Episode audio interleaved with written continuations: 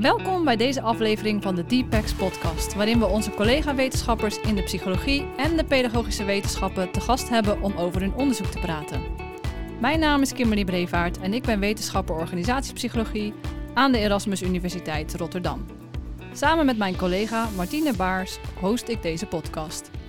Ik ben Martine Baars en ik werk als wetenschapper in de onderwijspsychologie aan de Erasmus Universiteit Rotterdam.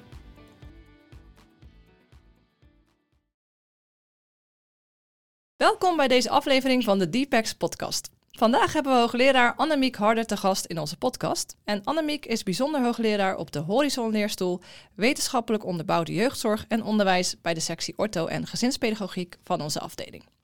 En haar onderzoek richt zich specifiek op de jeugdzorg uh, en dan nog specifieker naar hulp van uit huis geplaatste jongeren. Een belangrijk en interessant onderwerp. Ja. Dus we zijn heel blij dat jij vandaag bij ons te gast bent om daar meer over te vertellen. Helemaal Welkom. goed. Ja, dankjewel. Ja, welkom. Dank voor de uitnodiging. Ja, hartstikke fijn dat je er bent. Eh, het is zeker ook een interessant onderwerp, omdat jeugdzorg natuurlijk nogal eens in het nieuws komt. Alleen vaak wel eh, negatief, moet ik zeggen. Bijvoorbeeld onlangs was er aandacht in de media voor onterecht uit huis geplaatste jongeren.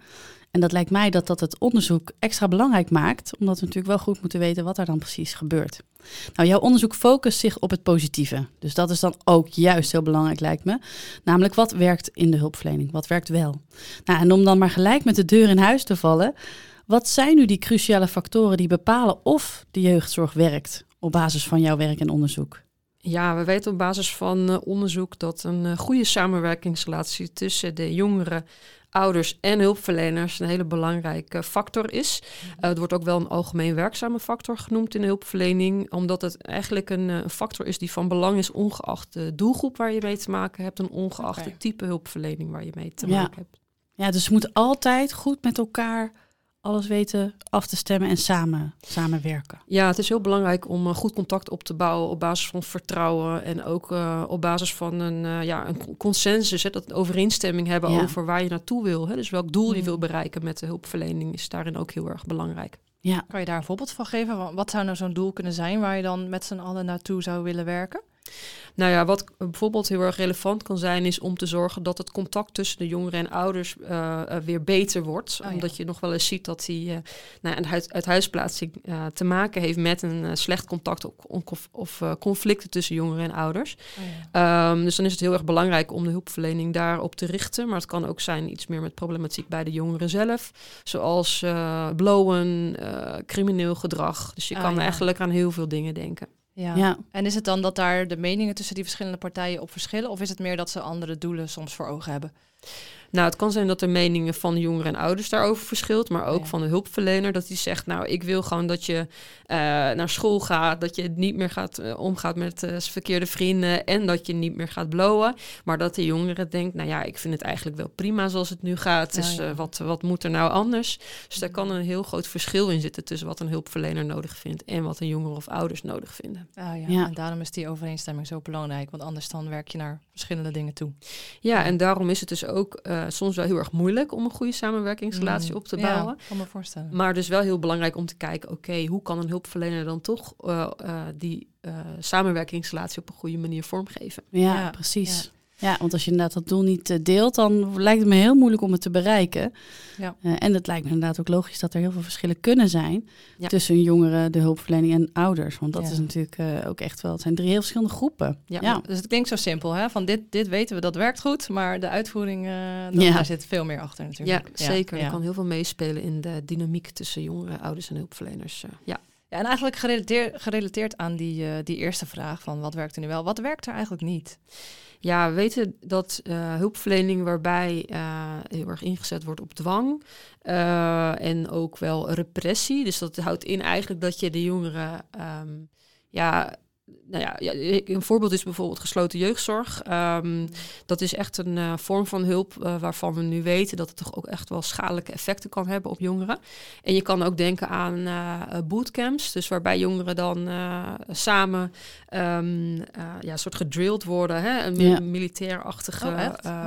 focus. Om dus jongeren die crimineel gedrag laten zien, om die weer op het rechte pad te krijgen. Oh. Ja. En we weten op basis van onderzoek dat dat vaak averechts werkt. Dus dat jongeren die in zo'n programma hebben meegedaan, bijvoorbeeld juist vaker delinquent gedrag laten zien na de tijd.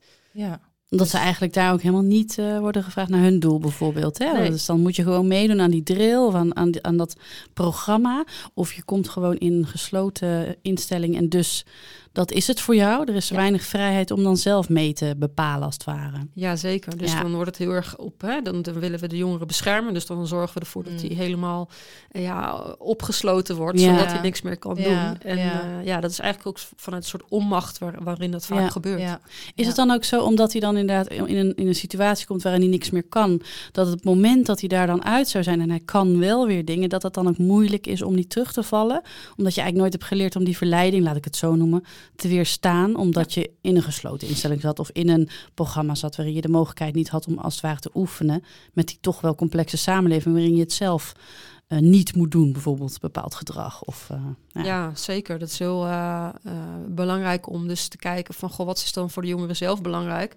Om ook op langere termijn, ook na vertrek, te zorgen dat die eh, verandering die je wilt bereiken, Ja. eh, ook in stand blijft. En als je Ja. inderdaad alleen maar gaat vertellen aan de jongeren wat hij of zij moet doen, en de jongeren gaat zich aanpassen eigenlijk aan de situatie waarin die zi- zit. ja, logisch. Dan, en die situatie verandert weer, ja, dan is de kans heel groot Ja. dat, er, dat die verandering niet blijvend is. Ja, Ja. dus dat blijven, dat lange termijn is eigenlijk heel lastig dan als je met dwang of repressie zou werken in, eh, in, in de zorg. Ja, Zeker. En, en het kan dus ook averechts werken. Hè? Want uiteindelijk willen we dat de jongeren in positieve zin zich ontwikkelt. Dat betekent geen delinquent gedrag, geen blowen nou, enzovoort. Eh, maar eh, eh, onderzoek laten zien dat, dat de manier waarop je soms die aanpak eh, inzet echt averechts werkt. En het dus eigenlijk alleen maar erger maakt. ja. Oh, jeetje. Ja. Ja. dus eigenlijk een, dat is misschien wel een beetje eh, in overeenstemming met wat we in het algemeen weten van hoe je gedrag aanleert. Dat als je het straft, dat dat eigenlijk helemaal niet goed werkt en dat je het beter op een positieve manier kan Ja. aanpakken. Zeker. Ja, inderdaad. Ja. Zeker. Nee, op basis van jouw onderzoek, wat je ook samen met een promovendus eh, aan het doen bent of hebt gedaan, hebben jullie een behandelmethode ontwikkeld, Up to You. Kan je daar wat meer over vertellen, over die behandelmethode en hoe dat er ongeveer uitziet? Ja, Up to You is een, eh, een behandelmethode specifiek ontwikkeld voor pedagogisch medewerkers in de residentiële jeugdhulp. Dus dat is dan hulpverlening aan jongeren met eh, ja, gedragsproblemen, emotionele problemen, problemen in de thuissituatie. Ehm, die eh, ja, daarvoor ook behandeling krijgen en die begeleid worden door pedagogisch medewerkers. En die zitten dan op een andere locatie. Die zijn uit huis geplaatst, zou je dan kunnen zeggen. Zeker, Hè? ja. Dus die, die wonen dan op een woongroep. Die Ja. verblijven op een woongroep met een aantal andere jongeren. En die worden dan begeleid in, eh, ja, om te kijken naar eh, wat wil je, waar wil je naartoe. Ehm, en die eh, pedagogisch medewerkers die voeren dus eh, mentor-coachgesprekken met jongeren. Ja. En die up-to-you behandelmodule is daarop gericht om ja, hulpverleners te ondersteunen in ja, het voeren van goede gesprekken met jongeren. En met goede gesprekken bedoel ik dan gesprekken gebaseerd op onder andere motiverende gespreksvoering en ja. oplossingsgericht werken. Waarbij de focus heel erg ligt op wat wil de jongere nou eigenlijk zelf? Wat vindt hij of zij belangrijk? En ehm, ja, dus eigenlijk echt de jongeren goed leren kennen en dat ook echt gebruiken om te komen tot, tot die verandering. En eh, nou ja, Ja. echt jongeren zelf tot het besef te laten Ja. komen van nou, misschien is het niet zo handig om zoveel te blowen of om met deze vrienden om te gaan. Omdat ik uiteindelijk nou, misschien een diploma wil halen of toch een huis wil en geld wil verdienen. Precies, Dus- en je noemde net motiverende gespreksvoering. Wat, wat moet ik me daarbij voorstellen? Wat is dan motiverend wat bijvoorbeeld de pedagogisch medewerkers dan doen in die gesprekken? Nou, waar motiverende gespreksvoering heel erg op focust, is ehm, de, de motieven bij de jongeren Ja. om dus die verandering in te gaan zetten. Dus Mm. focussen heel erg op eh, wat is nou eigenlijk de intrinsieke motivatie? Hè? Dus Ja. die- wat zijn de drijfveren eigenlijk bij de jongeren om bepaald gedrag te laten zien? En eh, ja, dat, daar ligt het zich dus heel erg op. Ja, ja mooi. Heel mooi. Ja, dat, dat klinkt ook heel veelbelovend. Hè? Dus dat, wat je zegt, niet alleen maar zeggen je, je moet het niet meer doen. Ja, precies. Eh, maar ook echt gaan kijken hoe kunnen we dan zorgen dat ze dat niet meer doen. Heb je enig eh, zicht al op de effectiviteit van, eh, van deze behandelmethode? Nou, er is heel veel onderzoek gedaan naar motiverende gespreksvoering. Mhm. Ehm, dus er is heel veel bewijs inmiddels dat het op verschillende vlakken ehm, Goed werkt, goed ja. werkt. Dus dan Ja. kan je ook denken aan meer in de medische sector. Dus eh, Hm. eh, mensen die op dieet gaan of Oh, eh, ja. sporten, Oh, om dat te stimuleren. Daar is motiverende gespreksvoering ook echt voor effectief. Uh, maar het is oorspronkelijk ook ontwikkeld voor verslavingsproblematiek. En dat is natuurlijk vaak een doelgroep die heel ingewikkeld is. Ook om daar veranderingen in te bereiken. En ook studies die daar naartoe zijn gedaan laten zien dat het effectief is. Um, en ja, zelf hebben we uh, in het project ook gekeken in hoeverre Up to You uh, ook aansluit bij de behoeften van professionals en jongeren. Nou, Mhm. het onderzoek laat zien dat dat het geval is. Uh, Oké. maar we hebben nog niet goed kunnen kijken naar wat zijn nou de effecten ervan op, Mm. op, uh, nou ja, op de jongeren. En dat Ja, is dus wel iets wat ik graag nog uh, zou willen gaan doen. Ja, Ja, ja, dat kan me ook voorstellen dat dat even tijd nodig heeft, of niet? Of om te kijken of, het daadwerkelijk, of, of ze daadwerkelijk hun gedrag veranderen. Ja. Want dat, dat heeft, stuk tijd nodig, die gedragsverandering. Ja, klopt. En je kan natuurlijk ook al wel kijken naar eh, gedachten of emoties of bepaalde Ja. houding bij jongeren. Mhm. hè? En ook kijken van gewoon tijdens die behandeling voelen zij zich ook gehoord en gezien. Hè? En dat ze ook de ruimte hebben om eh, hun eigen eh, ja, ideeën echt eh, bloot te geven, ook aan een hulpverlener. Mhm. En dus dat zijn ook manieren waarop je al tijdens de hulpverlening op korte termijn al kan kijken naar de effecten ervan. Ja. Ja, mooi. En het is dus een trainingsmodule voor die pedagogische medewerkers. En stel je voor, bij de luisteraars zitten pedagogische medewerkers. Aan wat voor trainingselementen moeten zij denken? Wat voor oefeningen moesten zij doen? Hoe kunnen we dat nog heel concreet uitleggen in deze podcast? Misschien geeft dat al wel wat tips voor, voor de mensen die luisteren. Ja, die, die up-to-you training die we hebben ontwikkeld is echt heel uh, ja, bazaal gericht op uh, gespreksvaardigheden van hulpverleners. Uh, bijvoorbeeld het geven van uh, reflecties. En een reflectie is eigenlijk niet meer of minder dan het geven van een korte samenvatting van wat de jongere nou eigenlijk tegen jou heeft gezegd of wat hij laat merken. Ja. Mm. Um, en dat soort reflecties, dus van die korte samenvattingen, die gebruiken hulpverleners wel in gesprekken. Want we hebben ook uh, geluidsopnames uh, gemaakt van die gesprekken die jongeren hebben met hulpverleners. Oh. Dan zie je dus wel dat ze die reflecties uh, gebruiken. Uh, maar die zijn vaak best wel oppervlakkig. Ja. En die gaan soms niet echt over wat, wat die jongeren nou echt drijft. Of wat die jongere nou eigenlijk zegt of denkt of voelt. Mm. Um, dus dat zijn nog ja, vaardigheden die dan tijdens die uh, training, dat, we die, uh, dat ze daarmee kunnen gaan oefenen. Ja. En bijvoorbeeld ook bij jongeren die uh, nergens zin in hebben. Want ja, ik heb voor een Ja. deel ook over pubers. Mm. Uh, die vinden, ja, die hebben soms ook gewoon geen zin in. Of Nee. die hebben andere dingen wat ze leuk vinden om te doen dan bijvoorbeeld ook te praten met een hulpverlener. Ja. Dus ook oefenen met die ja, zogenaamde weerstand ja. is iets wat expliciet in die training uh, aan Ja. bod komt. Dus eigenlijk een beetje leren graven en dan vervolgens leren teruggeven van... je vertelt me eigenlijk dit in, in zo'n reflectie. Ja. Ja, mooi. Ja, dat lijkt me inderdaad best heel lastig bij adolescenten. Ja, dat is een hele uitdaging. Ehm, en ook dat je dus zegt, als er dus die weerstand komt, hè, dus van uh, als een jongere zegt, nou, ik heb niet zoveel zin om daarover te praten, Ja, um, dat je niet daarover in discussie gaat, maar Oh, gewoon ja. dan echt puur benoemt, goh, je hebt totaal geen zin om hier nu dit gesprek te voeren. Goh, uh, wat kan ik wel voor jou doen? Of wat Oh, vind je wel leuk om te doen? Hè? Dus om het ook echt om te draaien.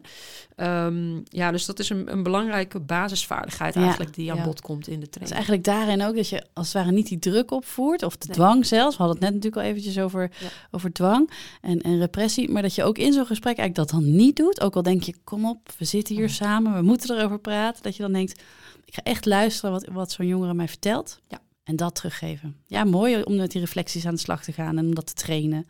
Ja. Nou, je bent een, eh, een, een echte voorstander van een betere verbinding tussen de wetenschap en de praktijk. Ik denk ook dat jouw onderzoek eh, zich daar eh, al heel erg goed eh, in manifesteert. Maar hoe werkt dat eigenlijk voor jou, die uitwisseling tussen de wetenschap en de praktijk?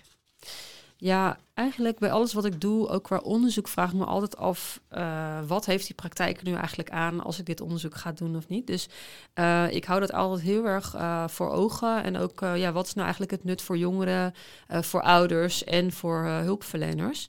Mm. Um, dus dat is wel, ja, wat mij betreft, altijd heel belangrijk als je onderzoek gaat doen. Um, ja. Dat het ja, daar er goed op aansluit bij de praktijk. Um, en ja, om praktijkonderzoek echt te gebruiken om goed zicht te krijgen op wat speelt er nu eigenlijk echt in die praktijk. Ja. Ehm, dus dat ehm, ja, is, is een belangrijke drijfveer die ik heb om uh, onderzoek te doen als je het over motieven hebt. Mm.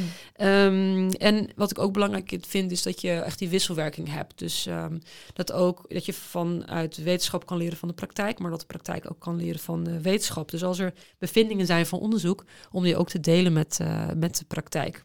Ja, ja. mooi. Op welke manier uh, deel je dat dan? Uh, nou, dit, dit zou er natuurlijk één van kunnen zijn, hè? De, deze ja. podcastaflevering. Maar wat, wat zijn andere manieren waarop je je kennis deelt? Ja, nou ja, en dat een podcast is een hele goede optie. Uh, wat ik ook probeer is nou bijvoorbeeld die training. Hè? Dat is natuurlijk ook een heel Ja. conc- concreet voorbeeld waarbij je echt eh, hulpverleners meteen eh, mee probeert te nemen. Mhm. Ehm, ja, andere manieren zijn ehm, ook om eh, bijvoorbeeld eh, in de media wat dingen te doen. Ja. Eh, dus eh, om interviews of uh, ja, soms ook op televisie ehm, uh, te, te benoemen wat belangrijk is in, uh, voor goede jeugdzorg. Ja. Um, ja, dus het zijn eigenlijk allerlei verschillende manieren die je Ja. in kan zetten daarbij. Ja. Ja, en hoe, hoe, hoe betrek je dan uh, die doelgroep uh, eigenlijk vanaf het begin af aan in je, in je onderzoek? want je zei, ja, ik, ik vind het belangrijk om te weten wat er dan speelt en daar, dat mijn onderzoek daarbij aansluit. Hoe, hoe weet je wat er speelt? Uh, hoe, hoe, onderzoek je dat dan weer eigenlijk? Ja, eigenlijk door heel veel contact te hebben met mensen vanuit de praktijk. Dus mm -hmm. uh, met een collega hulpverleners, onderzoekers vanuit de praktijk, ja. maar ook met jongeren zelf. Um, dus ik probeer ja, gewoon ook via LinkedIn en sociale media op de hoogte te blijven. Ja. Mm -hmm. Maar ook door ja, samen te werken in bijvoorbeeld consortia, um, ja. consortium kleinschaligheid in de jeugdhulp uh, of uh, academische werkplaats risicojeugd. Ah, ja. En daarin zitten eigenlijk ook al die partijen uh, zitten daar al aan tafel met elkaar. Dus dat helpt Oh, heel erg om Ja. scherp te houden met Ja. waar je mee bezig bent. Dus Zo'n consortium en een kenniswerkplaats zijn eigenlijk letterlijk plekken waarop dus en de hulpverlener en de wetenschapper en jongeren ook aan en ouders misschien ook wel aan tafel zitten om met elkaar te praten over nou, problemen, oplossingen, Ja. zaken die ze graag willen. Ja, zeker. Nou, dat, dat is dus meer aan tafel zitten. Maar als je echt onderzoek doet in de praktijk en je wilt weten wat er gebeurt, dan moet je eigenlijk natuurlijk ook gewoon in de praktijk gaan rondlopen. Dus dat betekent dat je mee gaat draaien op zo'n leefgroep, dat je Ja. mensen leert kennen en ook de jongeren en die hulpverleners leert kennen. Uh, en nou, dat is ook vaak wel nodig om dit onderzoek te kunnen doen. Ja. Want ook voor onderzoek doen geldt dat je een goede samenwerkingsrelatie moet opbouwen met, met professionals en, en jongeren en ouders zeker. soms. Uh, omdat je anders ja, je onderzoek vaak niet goed Ja. kan doen. Nee, ja, ze- je wil wel dat ze meedoen natuurlijk. Precies. Ja, want wat voor type eh, onderzoek doe jij dan precies? Eh, wat, wat voor methodes gebruik jij? Nou ja, ik noemde net al uh, bijvoorbeeld observatieonderzoek, hè, waarbij Mhm. je dan uh, met behulp van geluidsopnames, waarbij Ah, ja. uiteraard dan de hulpverlener en de jongeren toestemming geven en die hulpverlening zelf die opname maakt. Ja. Um, uh, dus dat geeft een heel goed beeld, vind ik zelf, van wat die hulpverleners nou eigenlijk doen Ja. tijdens die gesprekken met jongeren. Um, nou, interviews kan je aan denken, dus interviews met hulpverleners en met jongeren en met ouders, om Mhm. beeld te krijgen wat er in hen omgaat, hoe zij dingen beleven, is daarin heel belangrijk. Maar je kan ook denken aan meer onderzoek waarbij je bijvoorbeeld een groep jongeren volgt in de tijd om te kijken van hey, hoe gaat het met de jongeren? Wat voor hulpverlening krijgen ze nou eigenlijk? Wat vinden ze van die hulpverlening? Mhm. En zie je nou ook bijvoorbeeld verandering in uh, de emoties of in het gedrag bij jongeren gedurende Ah, ja. de hulpverlening? Um, ja, dus dat zijn allemaal manieren waarop je ja, onderzoek in de praktijk uh, goed kan vormgeven. Ja, mooi. Is dat dan vooral kwalitatief? Het ik dat goed? Of is dat een combinatie met kwantitatief? Het liefst een combinatie, hè, Ja. want kwantitatief uh, kan je natuurlijk, hè, waarbij je dan een grotere groep volgt, kan je iets zeggen over van is het, is het effectief of niet. Ja. Ja. Uh, met Ja. kwalitatief uh, onderzoek kan je daar wat meer een invulling aan geven en meer verklaren waarom Ja. um, uh, die effecten er zijn. Uh, en ik vind zelf wel het kwalitatieve stuk uh, wat dat betreft interessanter, omdat het Mhm. meer diepgang heeft Ja. en uh, Ja. ja. je meer uh, ja, verklaringen kan vinden Ja. waarom. En, en dat ook weer kan gebruiken om Ja, die effectiviteit te vergroten. Het geeft wat meer uitleg bij de cijfertjes. Precies. Ja. ja. Ja. Ja, dat kan ik me inderdaad wel voorstellen, ja. En je hebt het ook beide nodig, dat zeg je al mooi inderdaad. En dat doet me denken aan een mooi boek wat er natuurlijk verschenen is... waarin het gaat over de sleutels tot succes uh, voor de jeugdzorg. Um, nou, er zijn dus, die sleutels van succes zijn uh, gebundeld. Uh, en het gaat dus over de jongeren die uit huis geplaatst zijn... en wat we eigenlijk weten uit wetenschappelijk onderzoek... over wat daar dan succesvol zou kunnen werken. Nou, welke inzichten vond jij als redacteur van dat boek nou echt baanbrekend? Uh, inzichten waarvan je zou denken, nou dat, dat zou ik echt willen... dat alle professionals dat vandaag weten. Ja, een, een belangrijk inzicht uit het boek is volgens mij dat als je het hebt over die doelgroep, het huisgeplaatste jeugdigen, dat het een best wel diverse doelgroep is. Ja. En dat het betekent dat er ook diverse vormen van hulpverlening zijn die daar goed op uh, aansluiten en die dus ook nodig zijn. Uh, en dan kan je dus denken aan pleegzorg, uh, gezinshuiszorg, maar dus ook aan residentiële leefgroepen voor jongeren. Ja. En dat dat, um, dat pakket aan interventies eigenlijk nodig is om jongeren goed hulp te kunnen bieden. Ja, want je noemde de pleegzorg. Nou heb ik daar wel een beeld bij. Maar de tweede vorm die je noemde, wat houdt dat precies in? Nou, bij een gezinshuiszorg is het, lijkt best wel veel op uh, pleegzorg.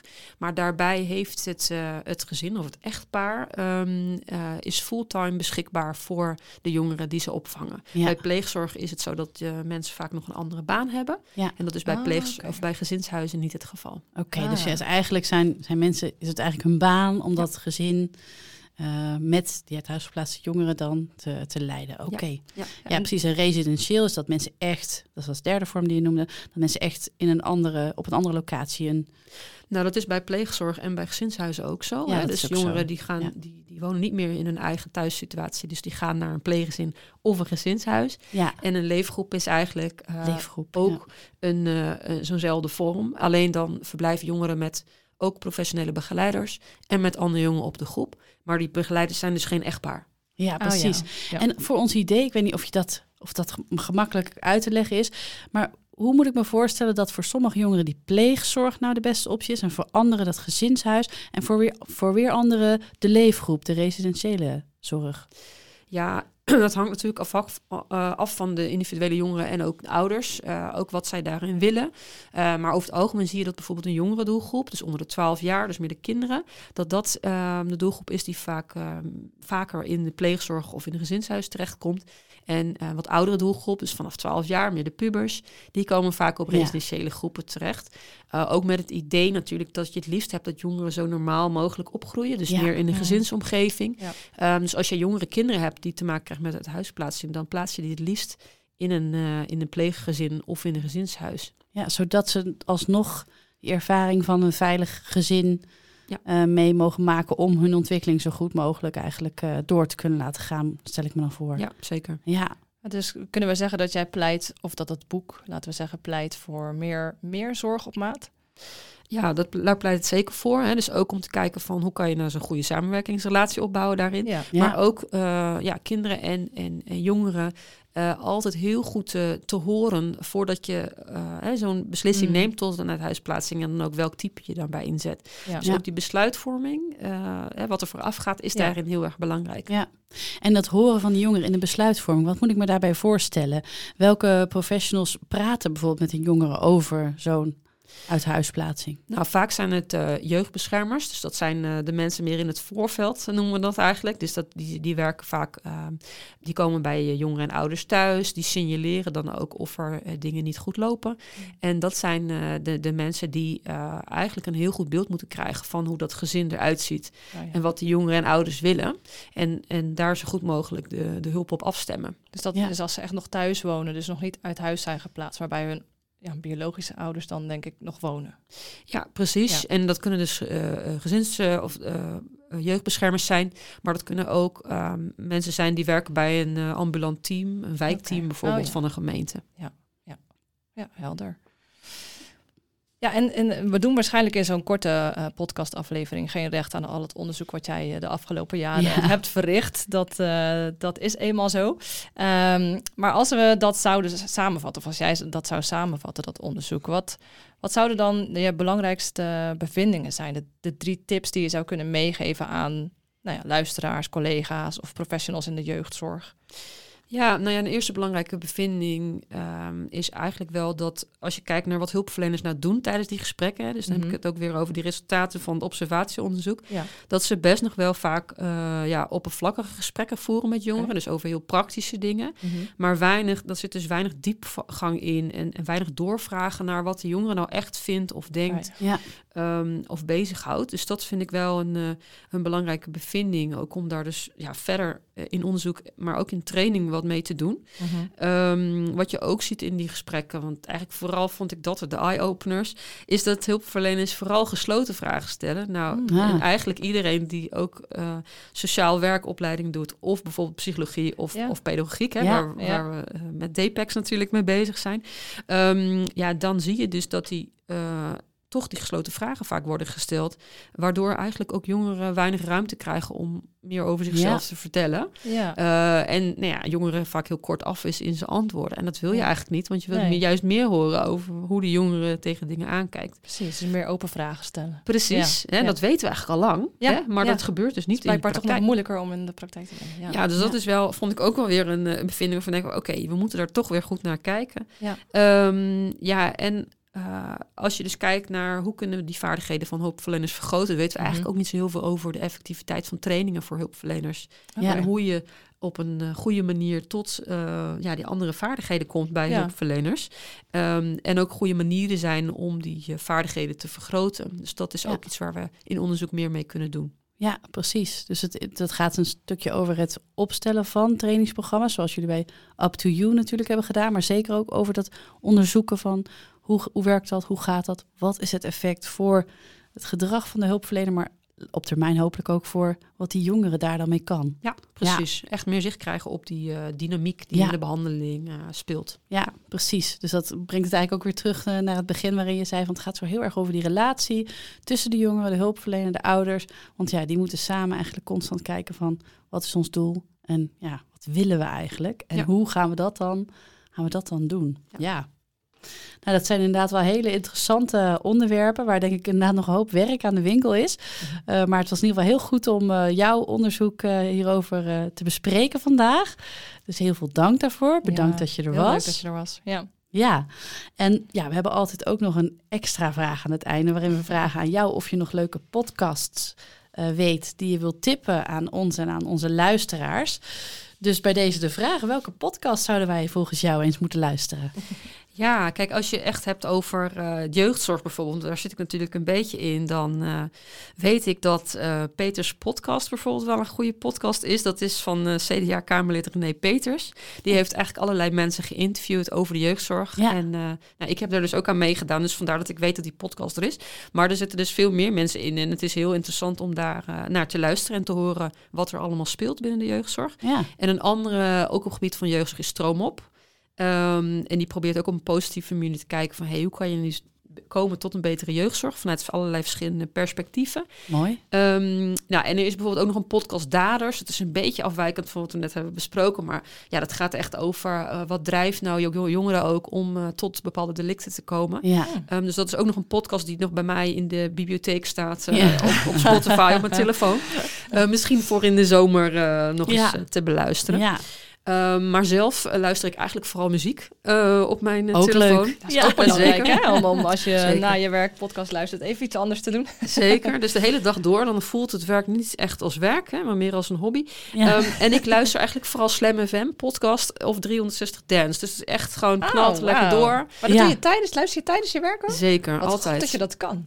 De hele dag door, want anders heb ik het idee dat ik dus aan het werk ben. En uh, dat heb ik zo maak het niet. leuk voor jezelf. zeker. Ja. Ja. Of Ja, nog leuker goed. voor jezelf. Ja, Nou, dat is ook een interessante tip. eh, leuk, dankjewel. ja super. Heel leuk dat je er was. Ja, zeker. Graag gedaan. Bedankt voor het luisteren naar deze aflevering van de Deepex podcast. Je vindt deze aflevering en de andere afleveringen op je favoriete podcastplatform. En je kunt ons natuurlijk volgen op LinkedIn.